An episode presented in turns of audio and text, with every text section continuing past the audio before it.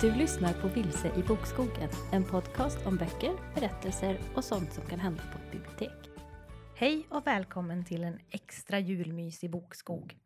Det har hunnit bli advent, vinter och snö har kommit till oss här i Boden. Oavsett om du firar jul eller inte så hoppas vi att du ska få en mysig stund här med oss idag.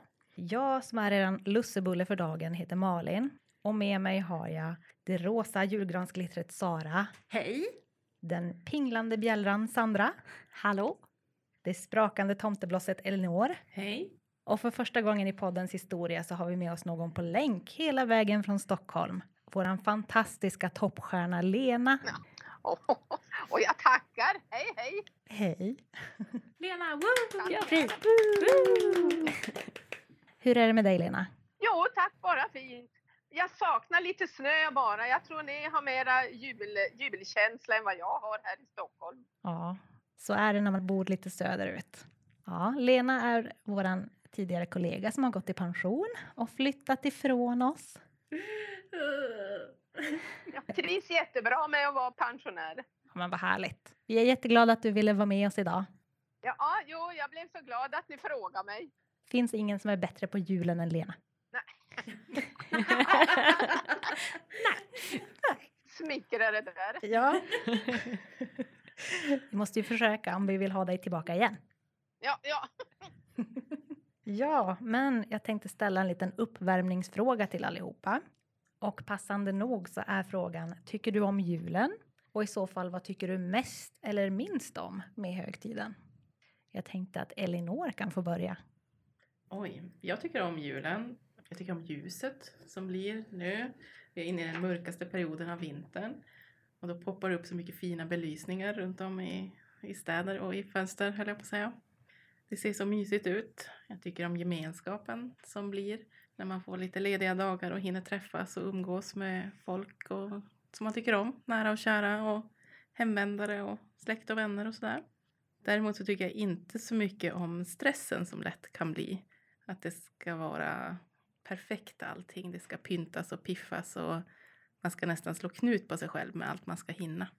Så det tycker jag att vi ska trappa ner lite grann. Att man tänker lite mer kring gemenskap snarare än eh, att det ska vara perfekt.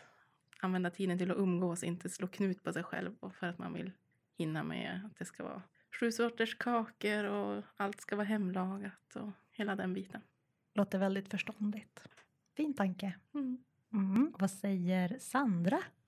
Jag älskar ju jul. Jag tycker att det är jättemysigt. Men det man gillar mest det är ju själva myset och alla traditionerna och att kunna umgås med folk.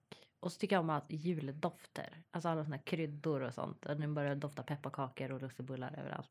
Det är jättemysigt. Och samma som Elinor, det jag inte tycker om, den här hetsen och prestationsångesten som kommer över att men, köpa julklappar. Det är typ det värsta jag vet. Jättejobbigt. Men jag tycker heller inte om att vara utan julklappar för då blir det så tråkigt. Så alla kan köpa julklappar till mig, men jag ger inga julklappar. Ja.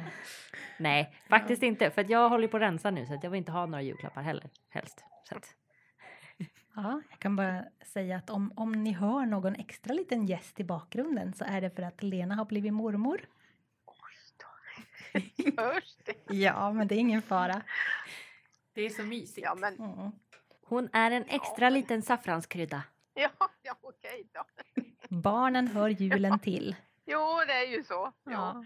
Hur är det för dig Lena då? Tycker du om julen?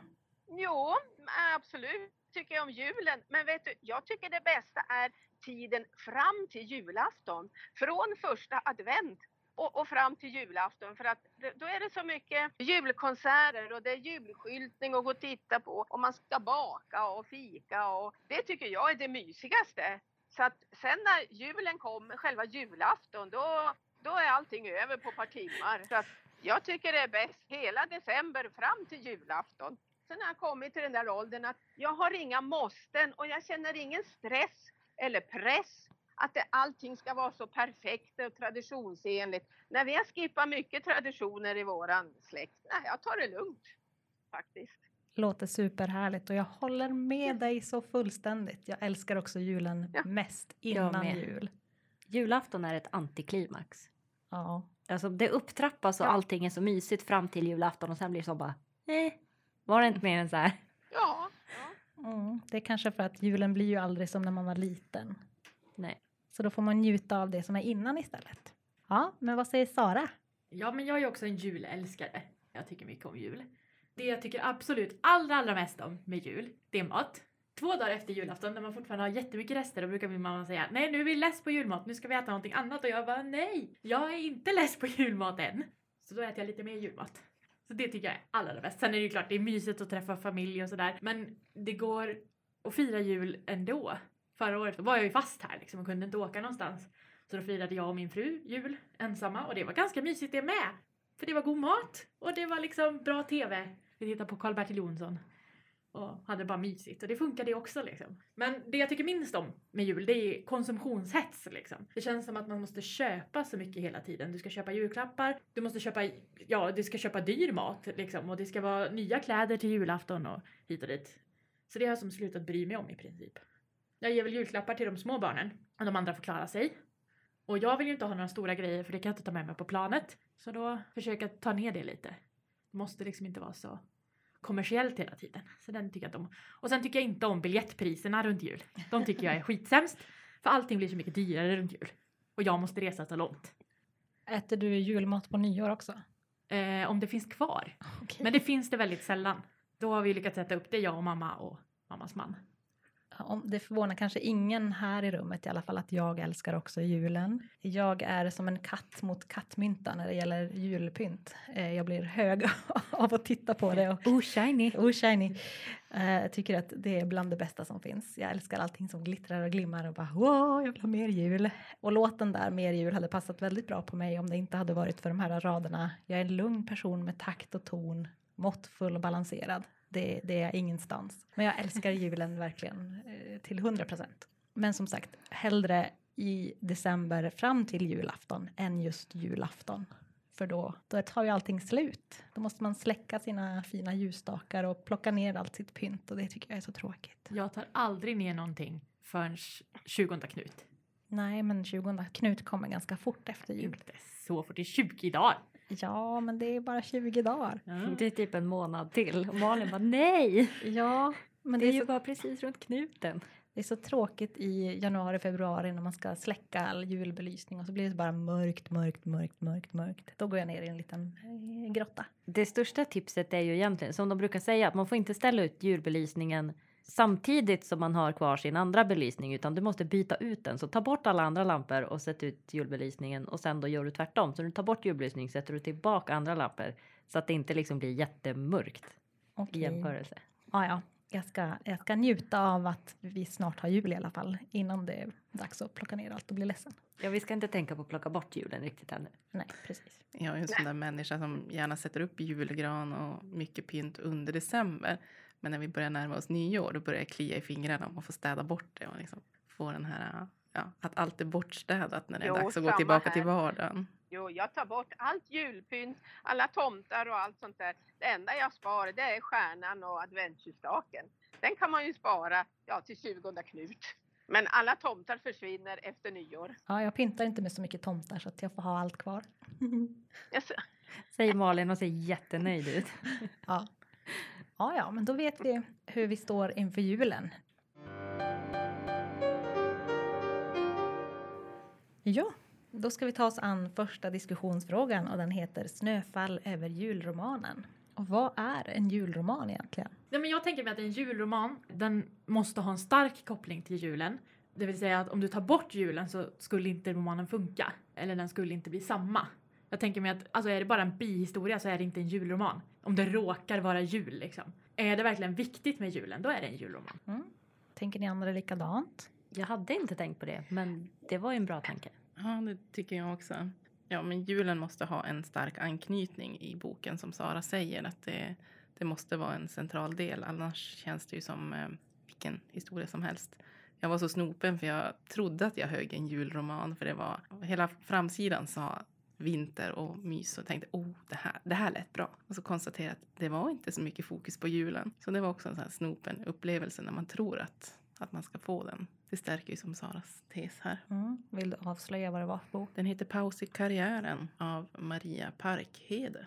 Okej. Så det var en vinterroman eller var det? Alltså den utspelas under sex månader men den började kring jul och nyår och avslutade vid midsommar. Okej. Och då skulle jag väl snarare säga att det är en klassisk feelgood. Okej, så de använder bara omslaget för att sälja den just nu kanske?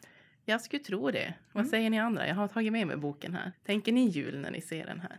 Mm. Det ser definitivt ut som en julroman. Ja, det gör Mm. det absolut. Sneaky marknadsföring. Jag blev som Karriären. Ja. snopen och så bara, men vars är julen? Vars är den här julkänslan? Och, och sen fortsatte det bara och så blev det påsk och så blev det försommar och så blev det midsommar. Och så kände jag att jaha, nej, här gick jag på en blunder på eftersom jag bara gick på fodralet eller framsidan. Så kan det gå ibland. Lena, tänker du också likadant kring vad som är en julroman? Jo, jo, precis. Jag hakar på det där Elinor sa. För att förra julen så läste jag en bok utav Amanda Hellberg som heter Jul i krinolin. Och alltså det är länge sedan jag såg ett så fint omslag. Och jag blev så, jag blev som besviken. Det var ju vinter och det handlade om en bal på slottet och det var kring jul. Det var vinter och kallt och mycket snö och allt det där. Men det handlade inte om själva julen. Det var lite övernaturliga grejer och det var historiska miljöer och vackra kläder och sådär. Och mycket romantik var det ju. Men det handlade inte om julen. Så där blev jag också lite lurad. För att titeln är ju Jul i krinolin. Så att eh, jag varit lite lurad. Jag varit lite besviken. En julroman ska ju verkligen handla om själva juldagarna, tycker jag. Eller i alla fall eh, december och så fram till julafton. Mm. Men det kanske inte är meningen att vi ska prata om böcker som vi blir besvikna på. Det får vi absolut göra. Det är ju Ja, tips för de ja. som lyssnar också. Vi ska väl förhoppningsvis komma med Ja, lite andra ja. tips på böcker vi gillar också lite längre fram här. Ja, precis. Det ska vi. Mm. Jag tror att vi är ganska överens kring vad en julroman är. Men då frågar jag er, brukar ni läsa julromaner? Korta svaret Ja. är ja. Mm. Ja, Och så sitter jag och svarar nej. Nej. Inte i vanliga fall. Nej. Eh, oftast läser jag dem som del i en, om de är en del i en serie som jag ändå håller på och läser. Och om jag läser julromaner så spelar det inte så stor roll om när på året jag läser dem. Utan jag läser dem när jag får feeling för det. Och så. så jag läser aldrig specifikt julromaner kring jul. Okej. Läser ni mest dem kring jul då? Lösa böcker som inte är en del av en serie, de brukar jag ju plöja från november och fram till jul. Men är de en del i serien så läser jag ju dem i anslutning till i vilken ordning jag, jag läser serien. Nu håller jag ju på och väntar på eh, Jenny Colgans senaste del. Och då är det ju som, den släpps ju lagom till jul i och med att den har jultema. Mm. Så där känner jag som, "Ih, kommer den snart? ja, jag läser bara julböcker ja, kring jul. Alltså november, december och kanske januari. Mm. Aldrig någon annan gång under året. Det, nej, det känner jag inte alls för. Jag kollar alltid upp vilka nya julböcker som kommer och så får man ställa sig i kö och reservera. Och så får man ju snabba sig att läsa för att det kommer ju alltid många julböcker så här till jul. Och man vill ju hinna med så många som möjligt. Brukar du läsa, om det är en bok i en serie, brukar du läsa julboken oavsett vilken säsong det är eller väntar du tills julen kommer? Nej, när jag väntar. Eller då hoppar jag över den. Eller nej, jag vill inte läsa en julroman i mars-april. Eller på sommaren. Nej, det gör jag inte. Det är spännande att vi är lite olika där också. Ja, Ja. Det kan ju vara lite roligt så här vid midsommar och klämma en bok med julpynt och glögg och hela, hela köret. Då får man ju lite så här, ja Ja. just det, ja men det är ganska mysigt då. Och så får man lite nostalgi och så där och så tänker man inte på hur, hur vintern egentligen ser ut med snö och minusgrader och, och hela det köret. Så man plockar russinen ur kakan lite. Okej, så du får en så här rosenskimrande jul. Ja, men det kan bli så om man läser under fel säsong. Så- kan säga det får man när man tittar på amerikanska julfilmer också. För det plöjer jag sjuka mängder av. Jag läser inte så mycket julböcker men jag tittar väldigt mycket julfilm. Och jag har redan börjat. Så att november, december, då är det julfilmsäsong. Okej. Ser du Die Hard varje år då som en klassiker eller? Jag tror för att jag har sett Die Hard en gång i mitt liv. Så att nej. Oj. Jaha, Jag okej. ser Die Hard varje, varje jul. Jag älskar Die Hard. Det är inte jul förrän Hans Gruber faller från taket. Precis. Ja. Jag har då aldrig sett den här filmen så att... Eh, Filmkväll, filmkväll. nej. Ja, jag och visste inte ens att det var en julfilm. det, det debatteras ju om det är en julfilm eller inte, men den utspelar sig under julen. Mm. Men om man tar bort julen, funkar fortfarande storyn? Ja. Ja, då är det inte en julfilm. Tack för mig. Ja. Ni kan skicka arga mejl till. Jag- Alltså jag kommer inte ihåg Nej. filmen överhuvudtaget. Så att jag, kan, jag vet inte om jag har sett den. Det känns som att jag har det. Men jag minns inte vad den handlar. Den utspelar sig på en julfest och så kommer lite terrorister och, och grejer sådär. Ta gisslan i ett kontors, eh, en kontorsbyggnad som har julfest. Nej, då kanske jag aldrig har sett den. Jag vet Nej. inte. Eller så kommer jag bara inte ihåg den. Den var inte så minnesvärd. Okej. Nej. Aj, aj, aj. Det blir jag har sett den en gång men jag, jag, det var ingen film som jag gillade. Tacka vet jag Love actually. Ja, Ja, den ja. är mysig. Den, alltså ingen jul utan den. Nej, Och likaså The Holiday. Ja. Ja. också på. Ah. Mm. ja. Alla fick något rosenskimrande i blicken här nu. Ja, Ja. Där är vi väldigt Ja. överens. Ja. Ja, alltså jag håller med dig om båda dem, Lena, men också Die Hard. Die Hard är också bra. Ja. Men Ja, ja. inte en Jaha, julfilm. okej. Men som man kan se den under julen. Ja, Jag kan väl se vilken film du vill under jul.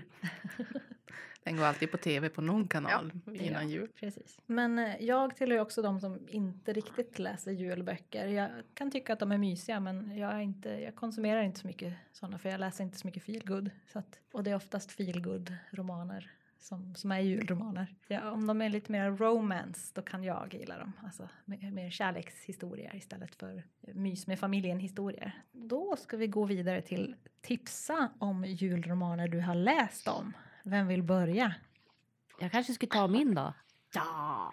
Jag har läst en bok som heter En vinterkyss i bokhandeln för ensamma hjärtan av Annie Darling. Så fantastiskt namn för att skriva feel good romance. Måste man ju säga. Och den här serien är då den här bokhandeln för ensamma hjärtan. Och det, det är fristående delar i serien kan jag intyga helhjärtligt för att jag har bara läst del 3 och del 4. Och när jag läste del 3 så visste jag inte att det fanns en del 1 och 2. Så att jag lyssnade på del 3 som ljudbok på engelska och tyckte att den var jättemysig. Och så när jag då, okej, nu ska jag läsa en ljudbok för att liksom få in känslan. Då valde jag den, för jag har liksom lärt känna de här karaktärerna och tyckte att de var jättemysiga.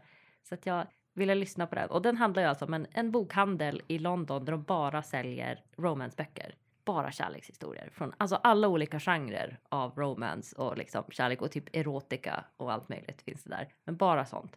Och så sitter den bokhandeln ihop med en tesalong. Och i den tesalongen jobbar en, en kvinna som heter Mattis som är väldigt anti julen sen hon fick sitt hjärta krossat på julafton för två år sedan. Och i bokhandeln så jobbar en man som heter Tom som också är väldigt anti jul. Och de här bråkar hela tiden. De har liksom ingenting gemensamt förutom att de hatar julen. Men sen så flyttar de båda två in i lägenheten som är ovanpå bokhandeln och får dela på den lägenheten. Och då blir det först ännu värre och sen blir det såklart en massa julmys. Och den här är då liksom december fram till jul. Får man följa förberedelserna i tesalongen och i bokhandeln och så här. Lite den här marknadsföringshetsen och vad ska vi göra för kampanjer för att sälja mycket böcker kring jul och sånt. Men den, den är så mysig, kärleksfull.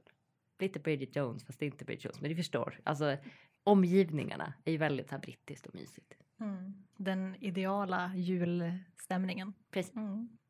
Har du något tips på en julroman, Lena? Jaha då.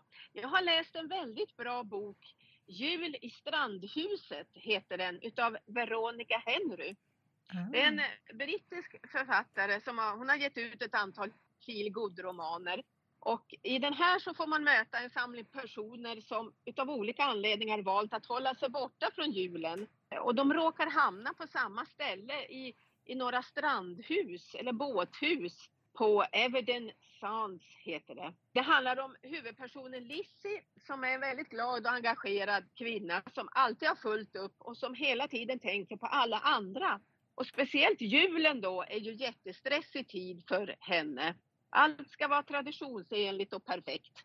Men just i år så känns det som att hennes man och hennes tonårsbarn överlämnar allt arbete åt henne, både julklappsinköp och pyntande och matlagning och allting. Och så när de inte ens kommer hem den kväll när de ska ha en sån här klä granen-kväll, en myskväll, så är, det, så är alla andra upptagna. Så hon sitter där alldeles ensam och då får hon nog. De kan fixa sin jul själva, tänker hon. Så hon skriver en lapp, hon packar en väska och bara drar därifrån. Så de får klara sig själva. Och i det här, då hamnar hon i det här strandhuset, en väninna som äger det där. Hon åker dit och där möter hon några andra som också har lite problem med julen. Dels är det en ung pojke som inte står ut med sin styvpappa. Det är en eh, mamma som till slut har tagit sig ut ifrån ett destruktivt förhållande. Och sen är det en pappa med sin tvåårige son som ehm, Alltså frun eller mamman har gått bort under året så att de är alldeles ensamma. Så eh, det handlar om de här personerna, hur de då fixar julen tillsammans. Och det handlar mycket om att, att liksom sträcka ut en hand till de som behöver. Och att man ska våga be om hjälp. Alla har inte så lätt på julen. Så den, den, den är både rolig och tänkvärd. Ganska intressant story om att julen inte alltid blir som man har tänkt sig. Den kan jag verkligen rekommendera. Jul i Strandhuset heter den. Utav Veronica Henry. Mm. Var den julmysig då? Jo, jo den, den gav mycket julfeeling. Jo, det gjorde den. Så att, för att den utspelar sig ja, veckan före jul och sen fram till ja, sista juldagarna då. Mm. Ja. Elinor har läst den va? Nej, jag har inte läst just den, Okej. men jag älskar Veronica Henrys böcker så jag har läst i princip alla andra. Jag har inte hunnit med den där julboken än, men den står på min lista för i år. Och det låter ju hoppfullt nu efter jag det Lena har berättat. provade läsa Ja en av då. hennes böcker men jag tyckte inte om den. Jag kunde inte läsa färdigt. Åh nej. Oh, nej. Ja, men hon skriver ju ganska bra om ja, men, vad som egentligen är viktigt i livet. Det är liksom kärnan i hennes böcker. Att man, man irrar gärna bort sig i mycket. Ja, men det här måste man göra och så här ska, ska det vara och så. Men sen när livet kokar ihop sig lite då, då brukar det ju vara att ja, vad är det viktiga? Vad ska vi fokusera på här? Min mamma har alltid kallat december för kvinnornas Vasalopp.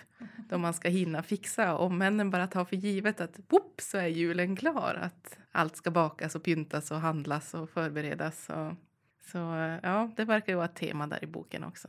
Mm. Jo, men det stämmer. Den handlar mycket om det, den här boken. Jag har inte läst något utav henne tidigare. Det här var, det var bara för att det här var en ny julbok som kom ut. Så då tänkte jag, ja men då måste jag ju läsa den.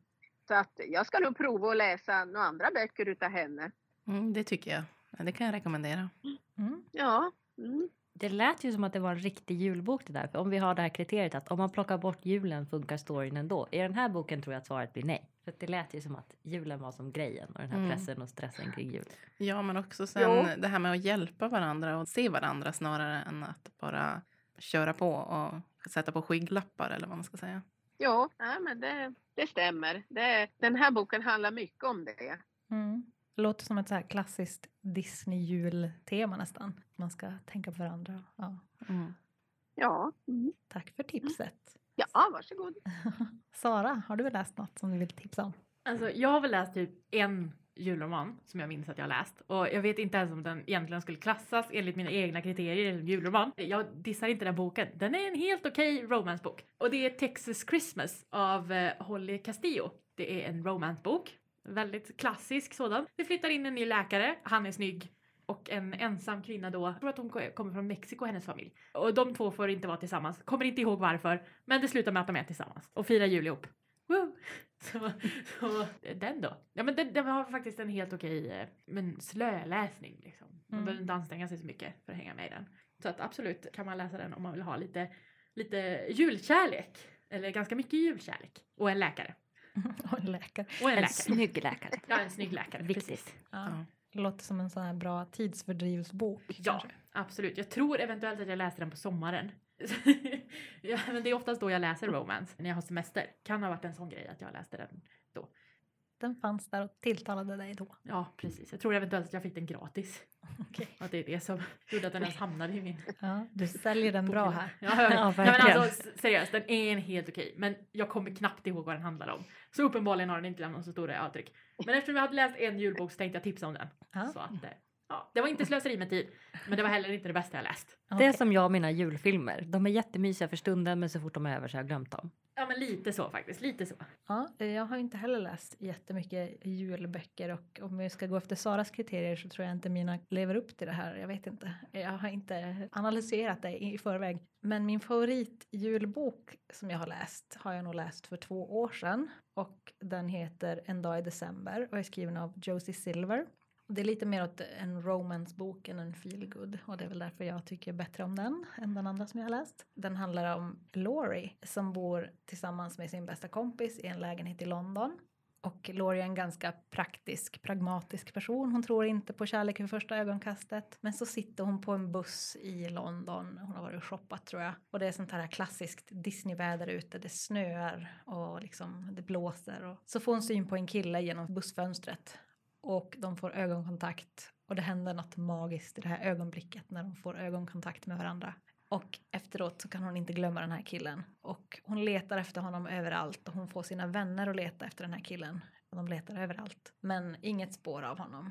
Den här boken utspelar sig som under jul, under tio år. Så man får följa den här huvudkaraktären och hennes vänner under de här tio åren.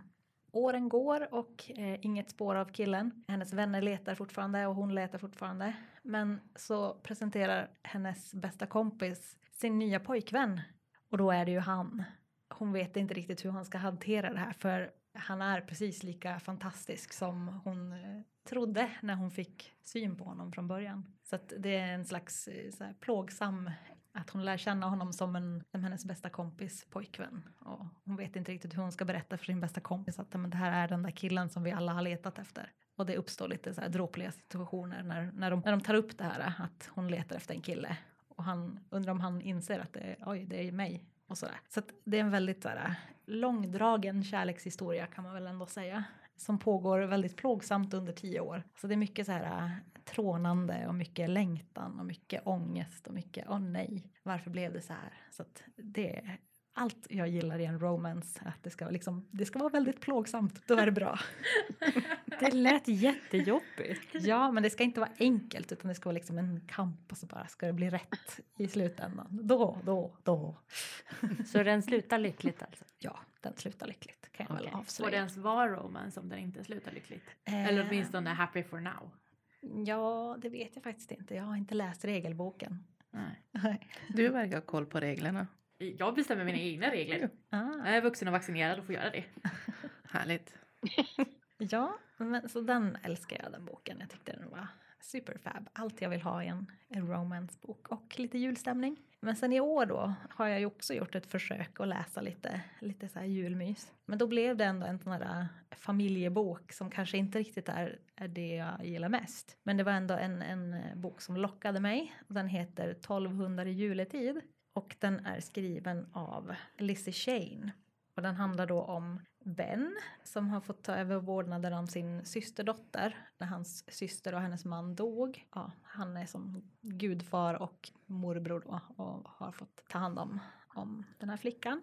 Och dessutom så har han tagit över sin svågers plats i kommunfullmäktige. Och eh, sedan dess så har han liksom inte fått en enda lugn stund för att det är alltid någon som vill prata med medlemmarna i kommunfullmäktige så att alla har hans mejl och alla pratar med honom jämt och ständigt och han får inte lugn och ro så att han är väldigt stressad och väldigt upptagen med att han ska försöka vara en perfekt förälder. Och i det här, den här lilla staden som de bor i så finns det ett eh, hundhem som drivs av eh, två pensionerade personer och en av dem har då skadat sig. Hon har skadat sin arm när hon var ute och gick med, med sin hund, eller en av hundarna där. Så hennes barnbarn har kommit dit för att hjälpa till lite.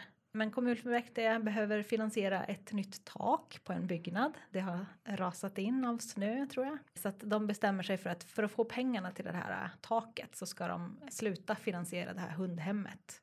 Och det blir då barnbarnet inte jätteglad över. Så att hon stormar iväg till kommunfullmäktiges kontor och pratar med Ben. Och det hela blir en liten kärlekshistoria. Och eh, jag har faktiskt inte läst färdigt den men den är faktiskt väldigt bra. Men inte liksom min vanliga typ av bok. Det, Vet vi inte om det slutar lyckligt? eh, Jag vet, jag vet, för jag läste klart den igår. Slutar det lyckligt? Ja, det skulle jag säga att den gör. Men det har ju en del av det här smärtsamma och eh, ja, som du tog upp här om romance. Att, eh, mm, Det går ju inte riktigt alltid som man planerar. Just för att den här Ben är väldigt fokuserad på att vara alla till lags, vara den perfekta föräldern eller vårdnadshavaren. Och han är livrädd för att göra förändringar som kan vara negativa. För han säger, men hur, hur ska vi veta om det här nu är för alltid? Han vill som ha ett facit på allting. Medan Ellie då, den andra huvudpersonen, är tvärs emot, är väldigt impulsiv. Så det uppstod en del slitningar där. Men ja, läs den. Den har ett väldigt spännande slut, ska jag Mm. säga. något att se fram emot. Ja, precis. Mm. ett till tips på en julbok som jag läste förra julen. Den heter Jag kommer hem till jul utav Joanna Bolori. Den är rolig och jättemysig julsaga som utspelar sig precis kring julafton. Det handlar om Emily. Hon är 38 år och singel. Hon jobbar som lärare och bor i London. Långt, långt bort ifrån sin tokiga familj. Hon eh, blir hembjuden till familjen nu under jul. Hon eh, tackar ja för att hon är tillsammans med en pojke som familjen då hemskt gärna vill träffa. För de har alltid pratat om att hon kommer aldrig att få någon pojkvän. Och, ja, men nu har hon verkligen en pojkvän att visa upp till jul. Så um, hon tackar ja till den här inbjudan. Men vad händer? Precis dagarna före jul så blir hon dumpad utav den här pojkvännen. Och herregud, vad ska hon göra nu då? Hon har ju lovat familjen en pojkvän och en pojkvän ska de få. Så hon frågar sin granne. Det är en sån här riktig playboy som spelar hög musik på kvällarna och har väldigt högljutt sex verkar det som. Hon eh, övertalar honom att följa med hem till sin tokiga familj under jul. Och han nappar på det. Han får en, eh, en månads hyra får han i betalt för att han ska ställa upp och spela hennes pojkvän.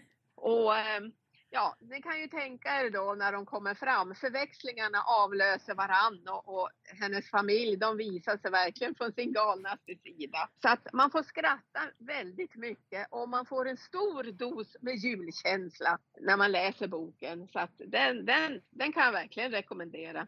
Nu när du berättar om den så kommer jag på att jag har också läst den.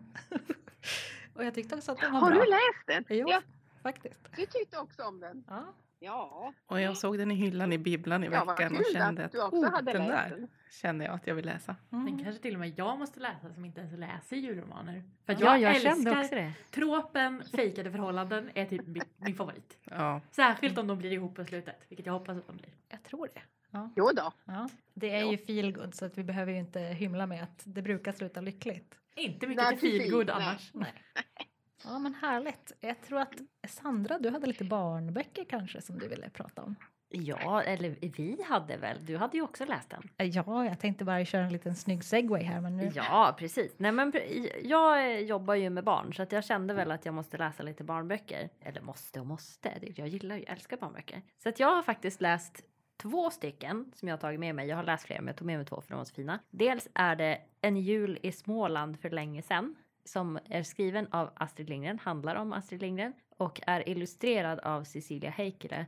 Och jag älskar Cecilia Heikeles illustrationer och hennes egna böcker också. De är jättefina och mysiga. Och Astrid Lindgren, det, liksom, det, det kan inte bli fel. Hon är liksom en nationalskatt. Så att den här boken är så himla fin. Och den handlar ju liksom om Astrid när hon var liten, julen 1913. Och hur de var ute i skogen och högg en gran och så där, hur de firar sin jul och när de åker till mormor med släden på annan dagen och de är i julottan och förstår du vad prästen säger? Nej, det gör ingen. och så jättemysigt och, och dialogen är liksom utskriven på småländska och så det är jättemysigt. Så den, jag blev lite glad av den, den var superfin. Men Malin har ju också läst den, vad tyckte du då? Ja, alltså jag tyckte i början är den så himla ledsam och så sorgsen för att de, de sjunger en så här sång om att gå vilse och sen är det Astrid då som går vilse i skogen och jag tycker att ja, det, i början är lite sorglig men sen blir den jättemysig och det är ju det här klassiska Astrid Lindgren språket som man Mm. bara har saknat. Man hör hennes röst när Ja. man läser den. Mm. Och den här sången, alltså hem till, det var samma, min faders boning och Mm. så frågar hon ju, är, är boning och, och gård samma sak? Är det här min faders boning? Ja, det är pappas hus. Och, och mammas också. Och, och barnen också om, om ni håller er lugna. Då kan ni också få bo där. Mm. Jo, så det var så här klassisk Smålandsjul. Så att det var väldigt mycket nostalgi. Däremot vet jag inte om jag tror att barnen kommer att vara jätteförtjusta i den. Nej, det, det är väldigt mycket text och den är väldigt Mm. stillsam. Det är liksom sån här, väldigt så här, man känner lunken och lugnet sitta i famnen och mysa kanske. Så här småtrötta barn Mm. som bara vill mysa. Då kanske. Mm. Men eh, det är liksom inte en sån här modern, här händer allt och fort ska det gå. Nej, precis. Ja, men den var mysig. Ja. Och det är ju faktiskt en jättebra segway in till nästa bok som jag läste. För där är en modern familj och fort ska det gå och allt händer. Mhm. Det är en sån här adventsbok. Julmysteriet av Lisa Bjärbo och Matilda Ruta. Det är en sån här Den är 24 kapitel, man läser ett kapitel fram till jul. Och den handlar om en sån här modern familj. Det är två barn, Ebbe och Märta. Ebbe är sex år, Märta är 12, som bor med sin eh, mamma. Deras pappa dog tragiskt när Ebbe var två år. Så att han kommer knappt ihåg den här pappan. Och nu har mamma en ny pojkvän som heter Ernesto som har en liten dotter som är två år som heter Francis. Francis är jättesöt. Hon kallar Ebbe och Märta för Bebbe och Ärta. Och, men det här när Francis och Ernesto ska komma och fira jul med dem så blir Märta skitsur. Och hon då, nej, då vägrar jag, då ska inte jag fira jul överhuvudtaget. Så att hon bara låser in sig på sitt rum, tror de. Fast sen helt plötsligt börjar mystiskt försvinna alla julgrejer. Pepparkaksburken försvinner och sen börjar försvinna adventsljusstakar ur huset och, och Ebbe ser spår ut i snön till uthuset. Vad är det som händer? Är det en jultjuv? Och Ebbe vill ju så gärna bli detektiv så han ska försöka luska i det här. Vem är det som stjäl alla julsakerna? Och nu förstör de ju julen. Så att ja, den minuspoäng för att den är väldigt så här, ja, man förstår det ungefär dag två vad, vad det är som händer. Men eh, den var faktiskt jättemysig. Just det här med moderna familjer, att liksom det kommer in styvföräldrar och styvsyskon och, och sådär. Och det är väldigt, väldigt mycket julstämning och den var faktiskt mysig. Så att det är ju en sån som man kan läsa för barn som är 6 till 9 år under hela december. Få lite julmys. Mm, inte så mycket deckare för vuxna alltså. Nej. Mm, jag har faktiskt också läst en bok om problematiken kring att kombinera nyförälskelse med familjeliv. Eller moderna familjer då, som du sa. Och det är Sara Lövgrens December med dig. Och den kretsar kring Mimmi. Mimmi har, hon kämpar på med sin vardag som ensamstående förälder efter uppbrottet från sin dåvarande sambo Klara. Livet som ensamstående och med barnet varannan vecka är väldigt jobbigt. Hon har svårt att fördriva tiden när hon inte har barnen och allting känns grått och trist. En dag är hon ute på promenad i slutet av november och då stöter hon på Patrik, en gammal tonårsflamma. Han är också ensamstående förälder och tillsammans bestämmer de sig för att de ska skapa en aktivitetskalender för att hålla barnen sysselsatta i december. Och samtidigt så får de sällskap för de känner sig lite utanför i samhället. Men eh, gamla känslor sprakar till liv och eh, ja, de funderar mycket på tiden som har varit och framtiden som kan vara. Och ja, den här författaren då, Sofia Lövgren, hon skriver en hel del eh, romance och det, det märker man när man läser den här boken. Jag skulle säga att det är ganska mycket inslag av romance och långa trånande blickar. Så det är lite mera intimitet än vanlig feelgood. Men samtidigt så belyser hon just det här med ensamheten och utanförskapet. Att det är svårt att komma in i nya kretsar när man, eh, ja i separationen här, när gamla vänner och så tar sida och ja, det blir stelt och konstigt. Och, och svårt att riktigt veta hur man ska förhålla sig till nya konstellationer i familjen. Dela vårdnaden på julafton och sådana grejer. Den kan jag också slå ett slag för. Ja, det är nog många som känner igen det där med att fira jul i nya familjekonstellationer. Mm, just det här att eh, kombinera dina, mina, våra barn. Att eh, det kan nog vara en utmaning i vardagen tror jag. Någon annan som vill tipsa om någonting mer? Jag kan fortsätta Har du fler? Jag kan lite Nej, mer. no. Alltså jag gillar ju då en författare som heter Annabeth Albert och hon skriver ju gay romance. Och av ren slump så snavade jag in på en bok som heter Better Not Pout från 2018. Där får man lära känna en yrkesmilitär som heter Nicholas Knobicki. Och han har jobbat 30 år inom försvaret och ska nu gå i pension. Han får inte förlänga sin tjänstgöring något längre. Har väldigt svårt att veta vad han vill med livet. Om han ska bli pensionär eller om han ska sadla om till någon ny karriär. Han är väldigt ansvarsbunden och om någon ber honom om hjälp så säger han ja. Han har en vän nere i södra USA som har frågat honom om han inte vill komma och bedriva båtuthyrning med honom och så här guidade turer då till turister. Ja, han har lovat att komma dit och ställa upp som eh, finansiär i alla fall. Så han går bara och räknar ner tiden tills det är dags att packa väskan och avsluta sin tjänstgöring. Och sista månaden så frågar hans chef om han kan tänka sig att ställa upp som tomte i stan då där de bor. Och de har ett jippo där de far runt och fotar tomten i olika miljöer och, och gör en grej i lokaltidningen av det. Och där träffar han ju då på en väldigt entusiastisk kille som är utklädd som ja, elf. Vad säger man? Tomtenisse kanske på Mm. svenska. Och de är ju varandras motpoler. Och det finns en, en del åldersskillnad där som gör att de då... Ja, Nick här, han känner sig väldigt kluven till att inleda någon form av ny relation. Men sen kommer det ju en liten snöstorm där så de blir insnöade och då lär de ju känna varandra och inser att de är ju ganska lika som personer ändå. Så ja, gillar ni Steamy Romance höll jag på att säga så ge den en chans. Något för mig! Ja, Något för mig också tror jag. ja den är ju då på engelska men eh, ja, väldigt bra. Annabeth Alberts serier är värda att rekommendera rent allmänt. Många tummar upp från Sara här ser jag. Nej, jag älskar Annabeth Albert. Eh, hör den till serien Out of Uniform eller är det något? Den är inte listad i den serien men det kändes som att vissa karaktärer, att det här namnet har jag hört någon annanstans, att det är någon bifigur i det någon kanske är serie. någon sån här fri, fristående då. Ja. serie. Ja, för jag har ju läst eh, Out- of Uniform-serien och den är också jättebra. Den är fantastisk. Ja. Med Steamy Romance menar du att det är lite åka av för att Ja. citera Sandra från förra avsnittet. Ja, Precis. det måste bli lite åka av annars är det inget roligt. Ja, alltså kanske inte för de allra prydaste skulle vi säga. Så. Snälla ska det göra och roligt ska jag ha annars vill jag inte vara med. Ja, Okej. så kan man också uttrycka sig. Punkt två idag handlar om julklappar eller bokklappstips. Brukar ni ge böcker i julklapp? Det har hänt, inte på senare tid, men förut gjorde jag det. Framförallt till barn, det är ju roligast då. De kanske inte tycker det, men det tycker jag. Och jag brukade ge julklappar till mina bröder, typ. Eller ja, den ena, den andra vet jag inte om han läser. Sorry om du lyssnar på det här och faktiskt läser böcker. Men eh, ja, det har hänt. Inte så mycket på senare tid, för nu har vi i princip slutat med julklappar. Men, eller så, sen jag började arbeta på bibliotek så lånar alla jag känner böcker, vilket ju är jättetrevligt. Men då blir det inte så mycket julklappsböcker.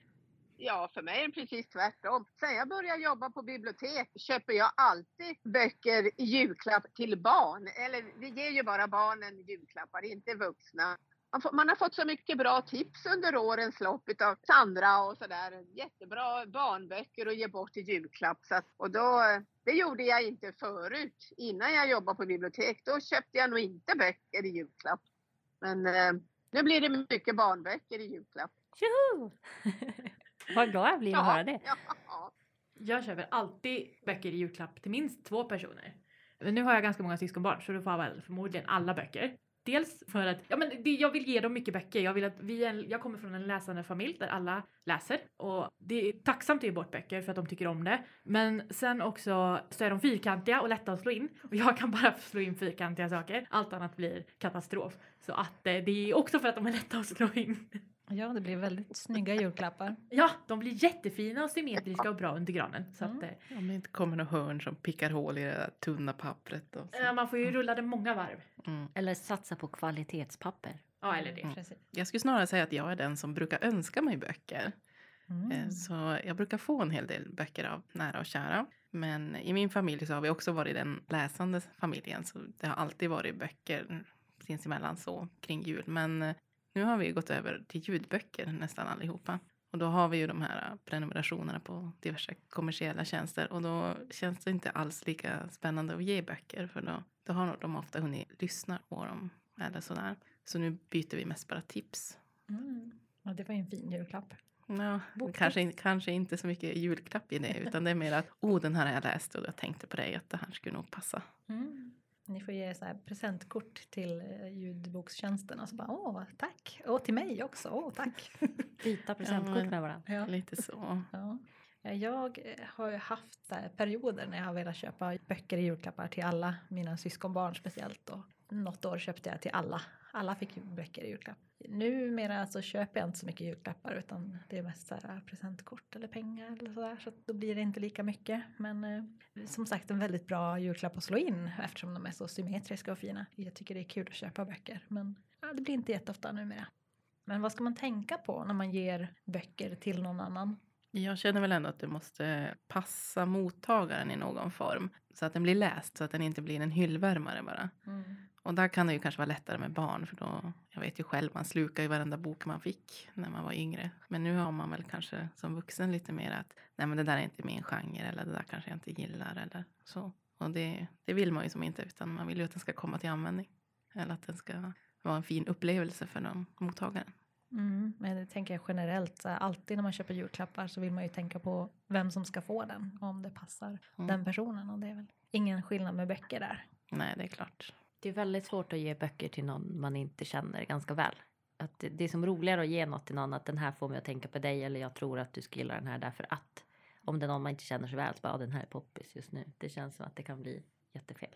Mm. Ja, och så vidare inte till exempel ja, lokal anknytning eller att man vet att den här utspelar sig i trakten där ni har sommarstugan eller så. Så det kanske är extra spännande för er att läsa eller sådär. Men Men då är det ju ändå någon som du känner tillräckligt väl för att veta det. mm, det är klart. Lite bakgrundsresearch får man göra. Precis. Ja. Har du något som du tänker Lena? Nej, det är väl mest att ja, jag köper ju bara till barn. Jag tycker det är svårt att köpa till någon. Ja, vi ger ju inte varandra julklappar, vi vuxna. Så att det blir ju mest tips och många har ju redan lyssnat och många lånar på bibliotek så att jag tycker det är svårt att ge till vuxna. Jag tycker det, till barn är det alltid mycket lättare för de, de uppskattar allt. Det är fint. Ja.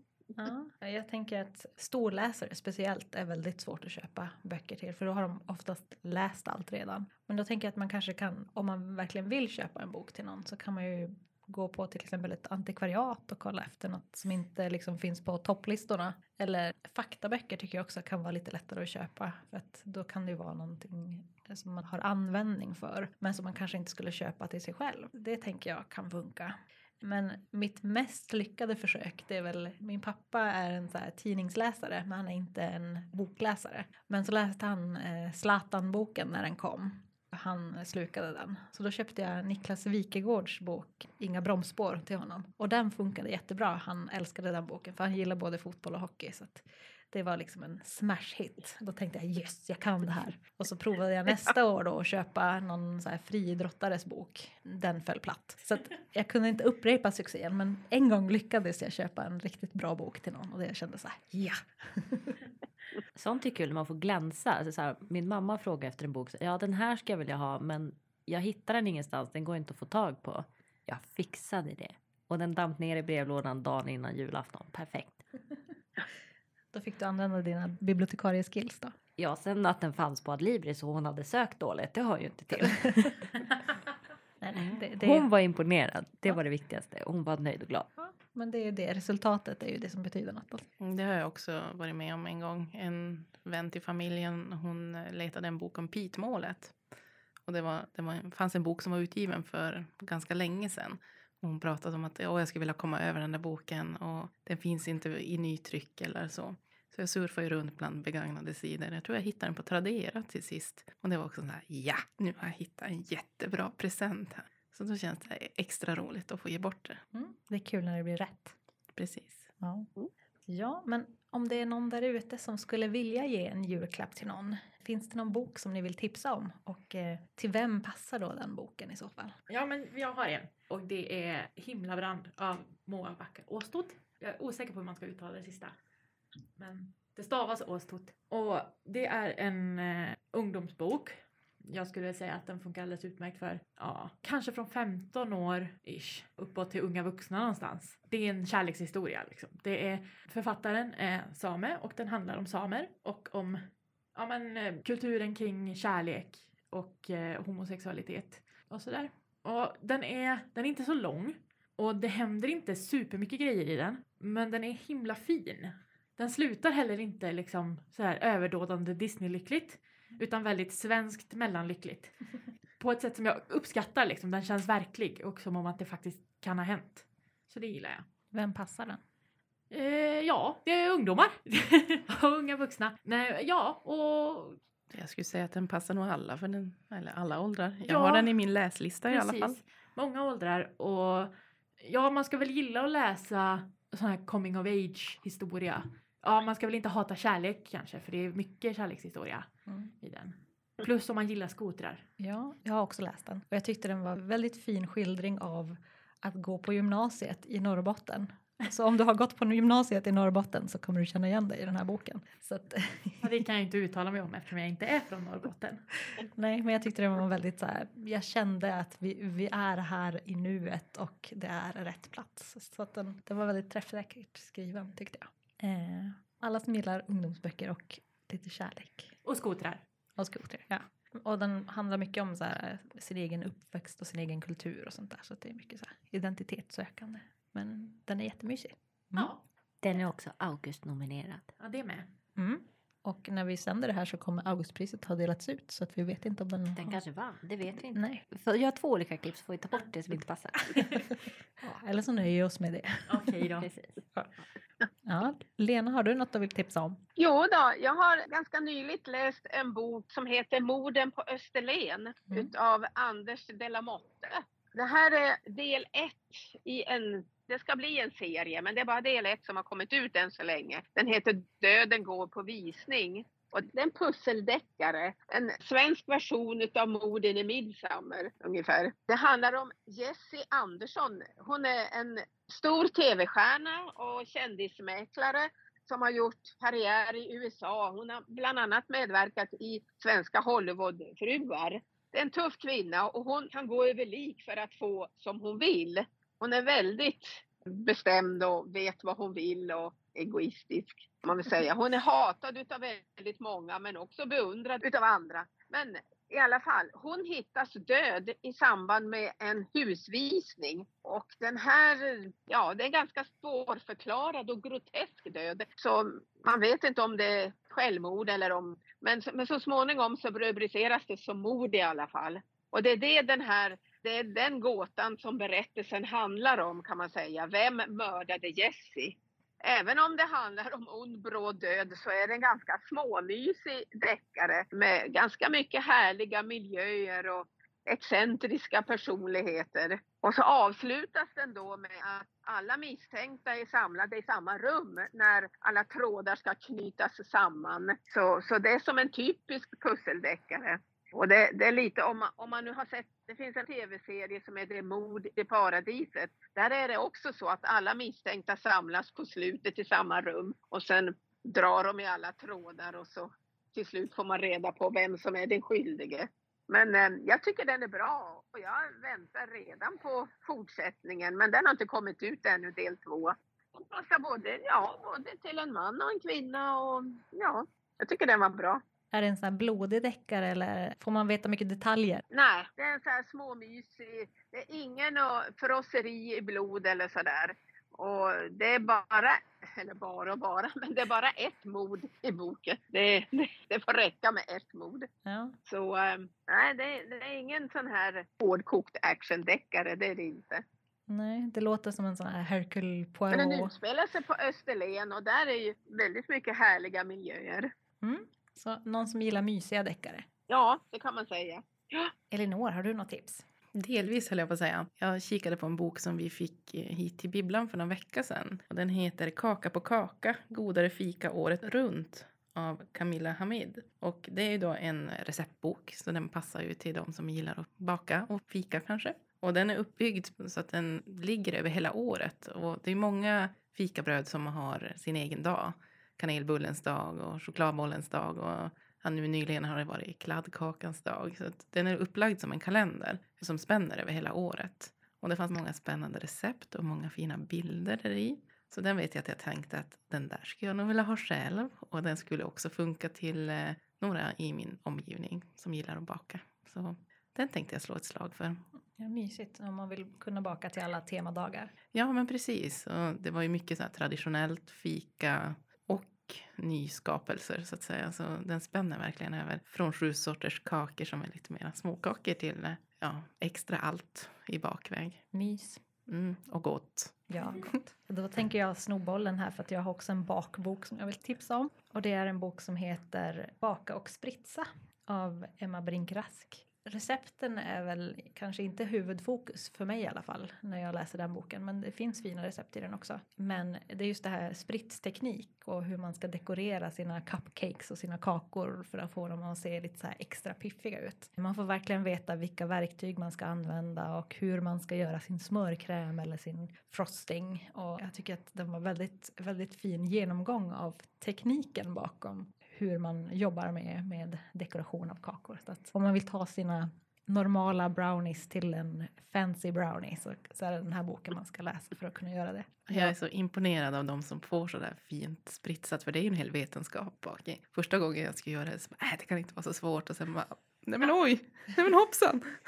Såg det ut som en, en treåring hade varit i köket och så satte lite så här um, strössel över och hoppades på det bästa. Ja, men precis. Jag är precis likadan. Jag har köpt en så här stor sats med spritsverktyg, men de är lite svårare att använda än vad man kan tro, så att det här Mm. är en bra guide för att, för att lyckas. Det låter toppen. Ja, så alla som bakar har två tips här. har vi någonting här borta för Sandra? Ja, ja, jag har ju då ett, ett helt annat tips. Jag är med på Saras spår än på era spår. Ja. till- Tillbaka till lite kärlek och sånt. Ja. Eh, och det här är faktiskt en bok som jag fick i handen idag som jag var så taggad. Alltså det här är typ min mest efterlängtade bok i år tror jag. För att jag läste förra boken av den här författaren förra året, älskade den, en av mina favoritböcker någonsin. Så kom den här. Den heter Under the Whispering Door av TJ Klune. Fantastisk bok tror ju jag, jag har inte läst den än, men fantastisk författare. Och jag vet ju att Elinor tycker också väldigt mycket om den. Vi har tipsat om hans förra bok som heter The House in the Cerulean Sea. Som är en jättemysig fantasy som känns nästan som en mellanåldersbok men den är skriven för vuxna och det är en gay romance i. Och den här boken låter kanske inte som att den ska vara så mysig och romantisk. För att den handlar om en man som heter Wallace Price. Han blir upphämtad av liemannen från sin egen begravning och då inser han att ah, jag kanske är död då. Men istället för att leda honom direkt till livet efter detta så hamnar Wallace i en liten by och i utkanten av den här byn så finns det en tebutik och butiken ägs av en man som heter Hugo som också jobbar som färgkar för att frakta själar till livet efter detta till andra sidan. Och eftersom Wallace inte riktigt är redo för att gå vidare ännu så stannar han i den här tebutiken och han får sju dagar på sig att leva ut livet. Han känner att han inte levt sitt liv till fullo. Sju dagar får han på sig innan han måste gå vidare till andra sidan och jag misstänker jag att den här Hugo kommer hjälpa honom med det. Och den här boken beskrivs som att den är hjärtevärmande och hjärtskärande samtidigt. Den blandar hopp och sorg men det är berättat med väldigt mycket värme och humor som TJ Klum brukar göra i sina böcker. Så att jag är så taggad på att läsa den här boken och jag tror att den blir en jättebra present. Den är ju då på engelska så att den för de som läser engelska böcker, jag skulle tro att de passar ungdomar också. Ungdomar från 15 kanske och uppåt. Den passar såklart den som gillade hans förra bok, House in the Cerulean Sea. Och den passar då de som gillar att läsa böcker med kärleksrelationer mellan två män. Men den passar kanske inte för den som är känslig för diskussioner om döden. För det hade författaren skrivit som en liten varning i början av boken. Att de, den diskuterar döden, både stillsam död, plötslig död och självmord. Så har man jobbigt med det så kanske man inte är målgrupp för just den här boken. Jag är också jättepepp på den och läsa den men jag vet inte vem annan än du i min omgivning som vill ha den i julklapp eller som den skulle passa för. Ja, Sara räcker upp händerna här så. Ja, Sara har två tassar i luften, Ja. precis. Ja. En för varje bok. Ja. Jag vill ha båda böckerna. Ja. Ja, det är en fantastisk författare så det ska bli spännande att få läsa den. Mm. Det var jätte, jättemånga. Jag tittar mycket på såna här booktube, så här, folk som pratar böcker på Youtube och på Instagram som älskade hans förra bok. Alltså den var verkligen en sån här toppbok förra året. Alla pratade om den boken på i det communityt så att säga. De som läser mycket böcker på engelska och så. Så att den här förväntningarna är höga, förhoppningarna är stora. Mm. Mm. Det var ju fint. Jag ska också passa på att slå ett slag för böcker jag vill ha i julklapp. Jag lyssnar nu nära och kära. ja, och det är ju då uppföljare på Dante Aristoteles eh, som vi har pratat om i eh, tidigare avsnitt. Och den har ju kommit ut nu så att den skulle jag gärna vilja ha, tack. Mm. Vad är den heter? Aristotle and Dante dive into the waters of the world. Tror jag. ja, jag tror att det är Ja, den Av titeln. han Benjamin. Benjamin Alire Alire Science. Sens, Som vi inte riktigt kan uttala. Ja. Men Yes. det är en apostrof på A så det måste vara science. Nej, jag tror att man säger sens för han, han bor i USA. Och Men varför är det ett apostrof på A? jag vet inte. Men ja, anyway, vi går vidare. är det någon som har någon mer bok ni vill tipsa om? Jag har bara en för den är bäst. Tror jag. Nej men jag, ty jag tyckte ju de här, det är lite sent kanske att tipsa om adventsboken där på julafton för då får man läsa hela boken i ett svep. Men den Astrid Lindgren boken om man vill ha lite mys på julaftonskväll så vore ju den fin. Mm, en godnattsaga. Precis. Ja, den tar vi. Då har vi pratat om mycket juligt här och nu ska vi gå lite, lite djupare in i den frostiga, snöiga, mysiga skogen och vi ska höra vad Elinor har gått vilse i idag. Ja, inte helt otippat så har jag ju då gått vilse i ett område som relaterar till min stora renovering som pågår hemma. Och jag kan ju nämna till er som lyssnar att jag under det senaste året har gjort en väldigt stor ombyggnation hemma. Så jag har gjort rokad mellan lite olika rum och byggt om. Och mina stackars kollegor här har fått höra om alla missöden som har varit under det här året. Och all renoveringskaos som det har bjudit på. Nu, imorgon faktiskt, är jag ledig. Så nu ska vi börja med en ny etapp hemma. Så jag är väldigt, väldigt pepp på det här. För det här rummet som vi ska börja med, det är mitt blivande hobbyrum. Ja, och jag ska bygga en enorm förvaringsmöbel här. Den ska gå från golv till tak med skjutdörrar och vara nästan fyra meter lång och ja, ungefär 70 centimeter djup. Och det är här jag har gått vilse. Hur gör man den ultimata förvaringen? Hur mycket ytor behöver jag till mina hobbyprylar som då är allt som rör handarbete, tyger, garner och allsköns däremellan. Så just nu så förkovrar jag mig i böcker kring att organisera, rensa och förvara.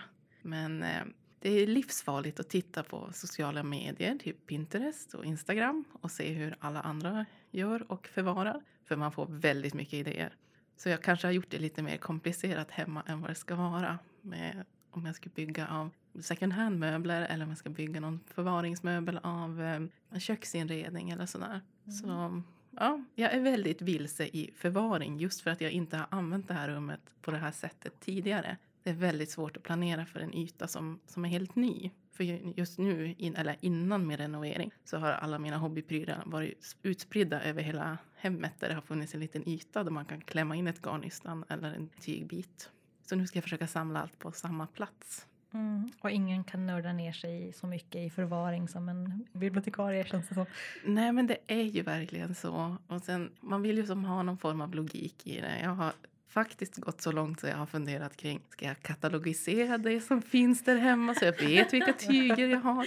Ska, ska jag sätta i ordning här? Ska jag ha särskilda avdelningar för allting? Och eftersom den då, ja den kommer ju vara väldigt stor så försöker jag avgöra hur mycket ytor som jag behöver till, till själva hobbyprylarna. För jag ska stuva in lite andra grejer där också. Eftersom vi då i etappen som kommer efter det här rummet ska riva tvättstugan. Så jag tänkte jag skulle klämma in lite förvaring därifrån också. Ja, du har ju Sandra här och fråga som har gått vilse i ganska liknande fenomen. Ja, och, och rensa i röran. Men Elinor var en av dem som jag fick med mig på det tåget. Så vi, vi är ju överens här. Jag menar om man håller på med garderober och förvaring grejer, det värsta man kan hända om man går vilse i dem, det är att man hamnar i Narnia. Så det, mm. det ja, är helt okej. Precis, och min plan B är att faktiskt bjuda in alla kollegor och säga hjälp när det blir för svårt att rensa och göra slut med saker. För det är också min tanke att, att det man inte kan ha användning för, det kommer att få flytta till någon annan så att man inte bara hårdare en massa prylar. Jag vet att Lena, när du flyttade så gjorde du också ganska mycket utrensning. Jo, det är jättebra att flytta någon gång ibland för det är, då, då är man tvungen att, att, rensa. Och om man dessutom flyttar till en mindre lägenhet då eh, kan man ju inte ta med sig allting. Så det, det blev många vändor till återvinningen och ja, en del eh, annonser på Blocket och sådär. Så, men det var riktigt roligt. Mm. Ja, eftersom jag har ägnat nu senaste åren till att bygga om det här till mitt drömhem så, så tror jag inte att jag ska flytta. Men jag ska försöka anamma det här med att rensa och ja, men spara det som man bara har användning för. Mm. Fast att flytta ja, på rum kanske det. också? Ja, alltså jag har ju ungefär 60 procent av mitt eh, hem nerpackat i flyttkartonger i garaget just nu. Och jag har kommit underfund med att man klarar sig utan ganska mycket saker. Så jag ska försöka hålla kvar vid den känslan när det är dags att packa upp allting. Mm. Ja, det kan ju vara ett lite liknande fenomen som att flytta, att bara flytta runt lite. Ja, men precis. Och att våga göra slut med saker mm. eller prylbanta. Det var det faktiskt några som gjorde. The Minimalists, när de skulle rensa, de packade ner allt de ägde i lådor och sen fick de bara plocka fram det de absolut behövde. Typ okej, okay, nu behöver jag en tallrik, då packar jag upp en sån. Och, och det de inte behövde efter hur lång tid det var, det gjorde de sig av med. Det lät lite omständigt, men ja. Väldigt omständigt. De tänkte att de packade ihop dem med tejp och allting. okej, okay, nu behöver jag en gaffel. Vilken låda var den i? Oh, nej. Ja, alltså, jag känner igen det där. Vilken låda är det i? För jag har letat så mycket saker det senaste året. Jag vet att jag har det, men jag vet inte var. Så då hittar man andra kreativa lösningar. Det känns så konstigt det här för alla andra pratar om ja, men det här är mina spännande hobbys och sista året har, har min, mina hobby har varit att renovera, titta på diverse möbler, ja, inredning helt enkelt. Ja, men vi vet vem vi ska fråga om vi behöver tips. Ja, precis. Jag kan komma med många bra tips över vad man ska och inte ska göra när man renoverar helt enkelt. För att återknyta till det jag sa om att senaste året har fokuserat på renovering så hoppas jag verkligen att jag ska vara klar snart. För jag börjar känna att mina andra hobbys lockar. Bland annat mitt blivande hobbyrum här. Så strax efter nyår så hoppas jag att, att allt ska vara klart. Ja, det låter perfekt. Och vet ni vad? Vad handlar nästa avsnitt om? Nyårskaramellen!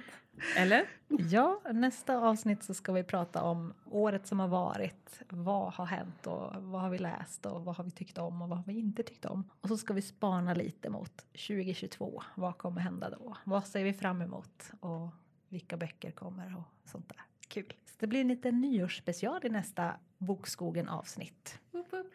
Hoppas att ni hänger med oss då. Ska du lyssna på oss Lena? Ja, självklart. Ja, våga inte säga göra. något. ja, men tack för att ni har lyssnat. Vi hörs igen nästa gång. Hej då! Hej då! Hej då! Hej då! Hej, hej.